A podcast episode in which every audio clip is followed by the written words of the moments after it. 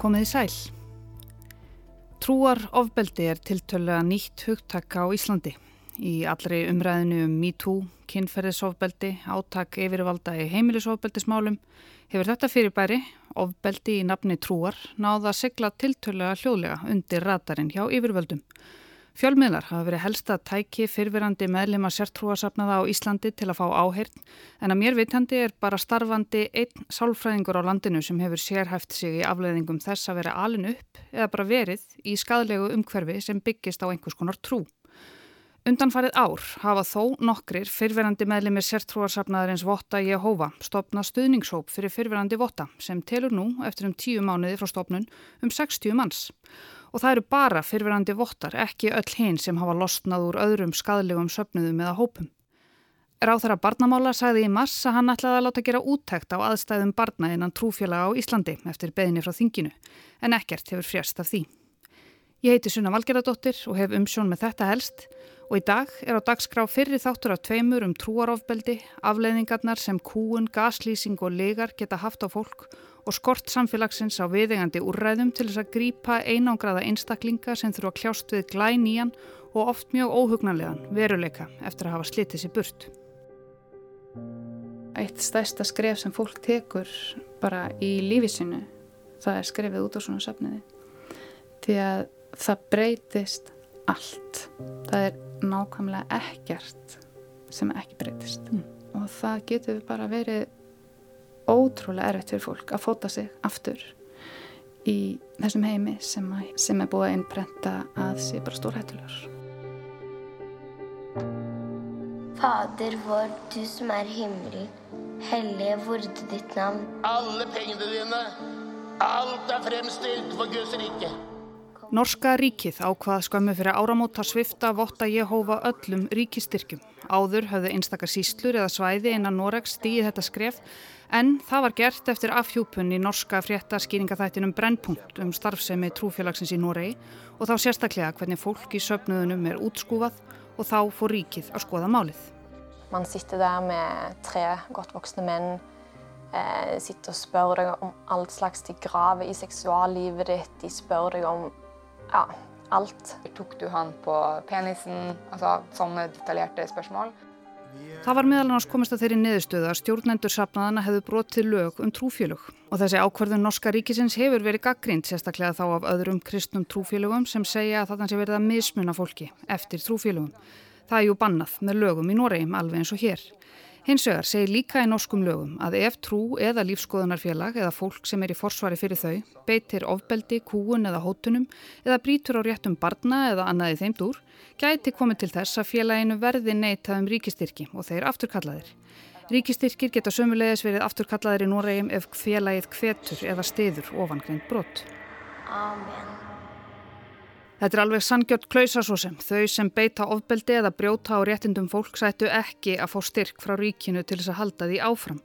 Og auðvitað eru til samtök eins og vantrú hérna á Íslandi og svo bara fólk almennt sem lítur á öll skipulögð trúarbröð sem kúnartæki en ég ætla ekki að fara út í þá sálma hér. Við erum ekki að tala um trúarbröð hér í heild eða heimsbyggina á bakviðau heldur einfallega brot og ofbeldi sem er beitt í nafni trúar. Trúar ofbeldi. Vottar Jehova er nokkuð upplugur og vel þekktur kristilegur sértrúarsöfniður á Íslandi að minnst okkur stemmið að við marka aðra. Samfélag Vottana er samt mjög hulið að mörgu leiti og fer langstærstur hluti starfseminar fram bak við luktar dyr þó að margir hafi nú lendið því að fá heimsókn frá hinum og þessum vottum í gegnum tíðina.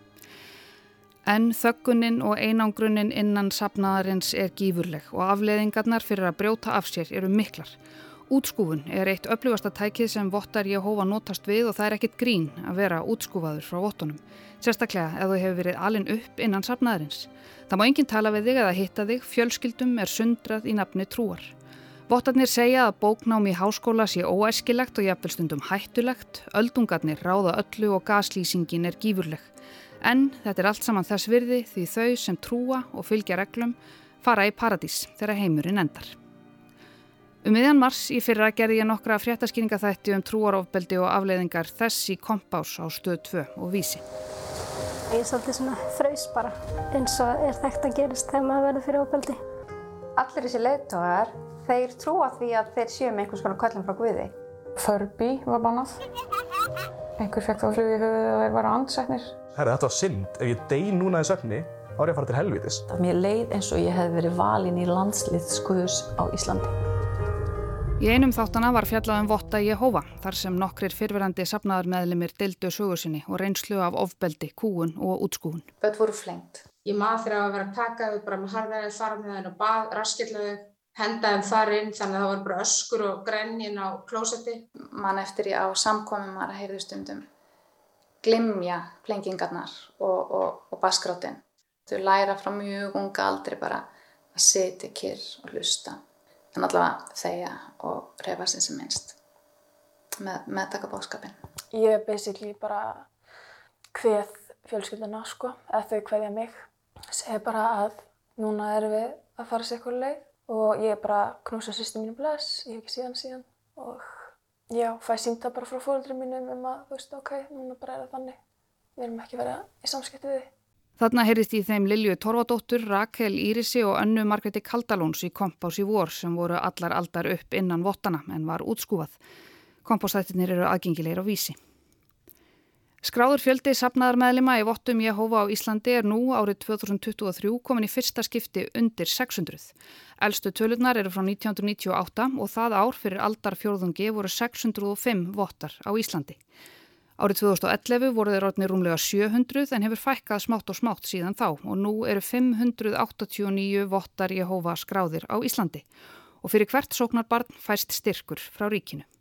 Vottar Jehova hafa fengið á bylunu 5-7 miljónir á ári síðustu 10 ár og samtals hefur söpnöðurinn fengið tæpar 70 miljónir króna í sóknargjöld frá ríkinu síðasta áratug eða svo. Ekkert innra eftirlit með starfsemi trúfélaga varandi sóknargjöld heldur þurfaðu bara að uppfylla ákveðin skilirði til þess að fá peningin. Það er til dæmis engin svona klausa í lögunum eins og í þeim norsku sem ég kom inn á áðan. Eftir að kompóstættinir fóru í loftu á stuðu tvö síðasta vor óskaði hópur þingmanna þvert á flokka eftir skýrslu frá barnamála ráþaranum ásmundi einari daðasinni um stöðu barna innan trúfélaga og skýrslubeðnin var í fimm liðum. 1. Ráþara skal tilgreina stöðu barna innan trúfélaga með tilliti til trúfrelsis í samningi saminuðu þjóðana um réttiti barna. 2. Skoðuð verði áhrif þess á börn að alast upp við afmarkaða menningu innan trú eða lífskoðunarfélag sem geti takmarkað samfélagslega þáttöku vegna trúarlegra áhersluna. 3. Tilgreina á þær félagslegu hindranir sem börn og ungmenni kunni að mæta óski þau að yfirgefa trú eða lífskoðunarfélag. 4. Skoða skal hvort tilefni sé til að halda sérstaklega utanum kvartanir og tilkynningar vegna atvika sem eiga sér stað innan trú og lífskoðunarfélaga hjá umbósmanni barna, síslumanni, félags eða skólaþjónustunni. 5. Ráðara skal skoða hvort ástæða sé til þess að haldi sér sérstaklega utanum eftirlit sem lítur að æskulíðstarfi innan trú og lífskoðunarfélaga. Yfirgnafendi meirulhutti barna er skráður í trú og lífskoðunarfélög. Fram kemur í greinargerð þingmannana að tæplega 80.000 börn hafi verið skráð í slík félög 1. janúar 2021. Þaraf voru rúmlega 12.000 skráð í félög sem höfðu fengið leifi ráþæra önnur en þjóðkirkuna en um 14.000 í óskráðum trúfélögum. Utan trú og lífskoðunarfélaga stóðu rúmlega 4.000 börn. Ásmundur Einar, barnamálaráðra, sagði í viðtali við stöð 2 í lokmars í fyrra að hann ætli að láta gera úttækt á aðstæðum barna í trúfélögum. Það sé tímabært skref og í fyrsta sinn sem slíkt er gert. Ég líti nú svoleiðis á þessa skýslubeina, hún sé líka hugsuð til þess að við tökum þá þennan þátt sérstaklega fyrir og er bara gott tilöfni til þess og, og það að það séu þingmenn og fleiri flokkum á henni heldur en einum, það gefur líka tilöfni til þess að svona sína að þetta er, þetta er mikilvægt skref í því að taka réttindamál barna á næsta steg skulum við segja. Þetta var ásmundur einar í mars, en hvað hefur gerst síðan hann sagði þetta nú tæpu ári síðar? Ég sendi línu á ráðherra og ráðunettið í november sem hljóðaði svo. Góðan dag. Ég með fyrirspurn varðandi úttækt stjórnvalda sem barnamálaráðherra ætlaði að íta úr vör fyrir á þessu ári varðandi aðstæður barna innan trúfélaga á Íslandi. Svo límdi ég nokkra linka á fréttinnar sem áttu við meðal annars fréttina með viðtælnu við ásmund. Hvernig gengur með þessa skýrslu? Er vinnan hafinn? Hverjir er að vinna þessari úttækt? Þið megið endilega heyra í mér eða senda mér línu, bestu hvaðjur, sunna valgeradóttir Rúf, svo var símanúmer og e-mail og svoleiðis upplýsingar. Þetta sendi ég í lók november og hef engin svör fengið. Ég hef svo sem ekkert ítt mikið á eftir því heldur en alla jafna eiga svör að berast frá ráðuneytum þegar fjölmiðlar senda inn fyrirspurnir. Að minnstakosti um að erendi sé móttökið eða eitthvað því um líkt en ekkert slíkt barstnir.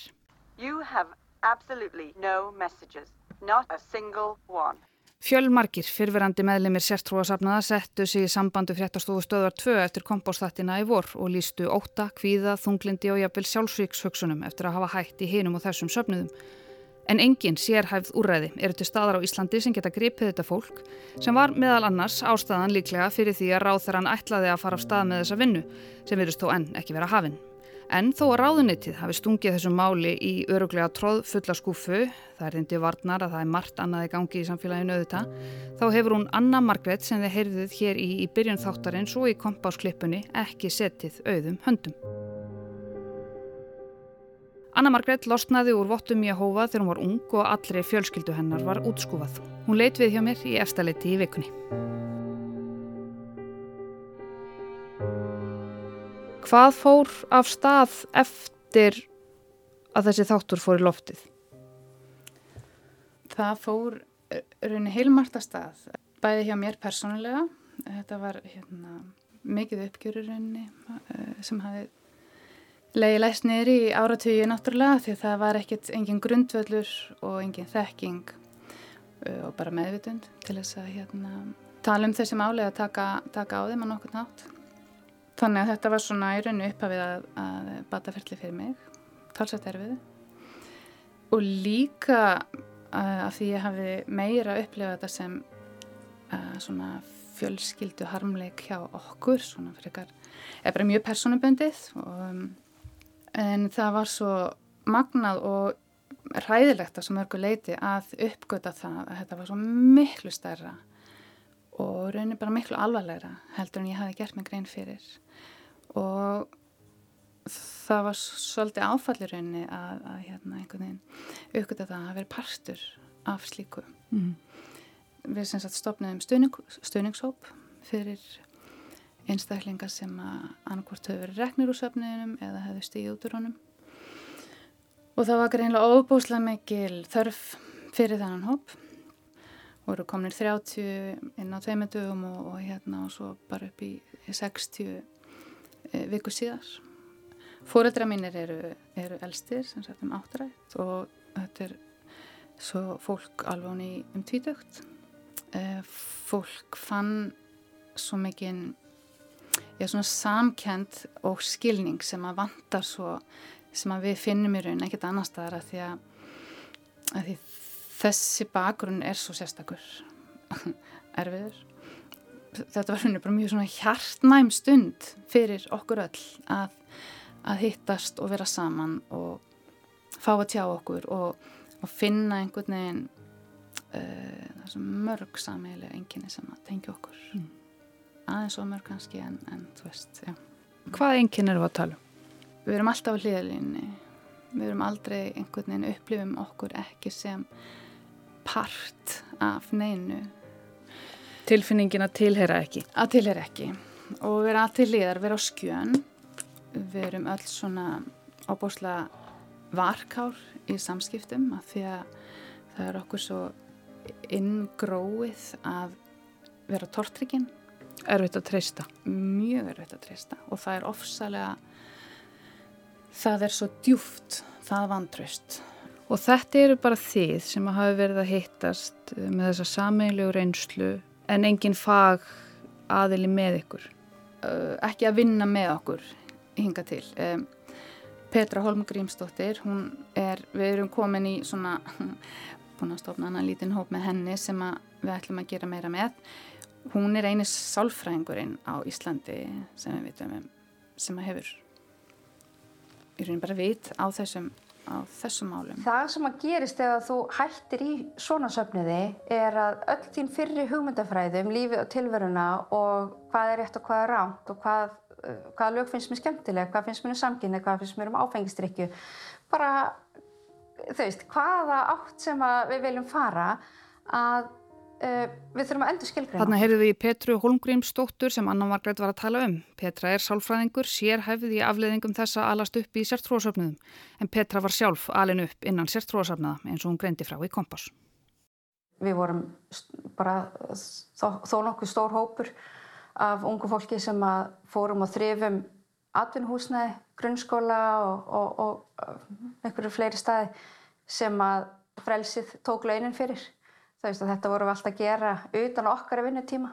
Og eins og Anna Margret kom inn á þá eru þau núna um 60 talsinn sem hittast reglulega og ræða um reynslu sína innan Votta Jehova en ekki síður þær langtíma afleðingar sem slík reynsla hefur haft á þau. Og þau hafa bara hvort annað því það er ekkert faglegt úrræði til staðar sem gæti tekið á mótiðum. Nokkrir úr hópnum hafa farið og fund barnavenda Reykjavíkur og sömuleiðis hafa þau hitt fulltrúa á ráðunituna hans ásmundar þannig að samtalið er hafið þó að enn hafi ekkert raunverulega gerst. En þegar kerfið bregst þá lætur fólkið stundum til sín taka og það á sannarlega við í þessu tilviki. Það verður meira um það í næsta þætti af þetta helst sem kemur út á morgun og hér er brott úr honum. Þetta er óendanlega stórt skref. Ég held að fáir gerir sér grein fyrir því hvað þetta er óbúslega erfitt og fólk búið að hugsa þetta í mörg ár oft áður en það lætur eh, verða af því að stígu út af því að það veit hvað afliðingarnar eru rauninni. Langa til að fólk viti bara við, við erum til staðar og, og hérna það er líf það er gott líf fyrir utan söfniðin Ég heiti Sunna Valgeradóttir og þetta var fyrir þáttur af tveimur um trúarofbeldi, afleiðingar þess og kerfi sem kann ekki að grípa fólkið. Takk fyrir að leggja við hlustir í þetta helst í dag og við heyrumst svo aftur á morgun í setni þættinum um votta Jehova og trúarofbeldi á Íslandi.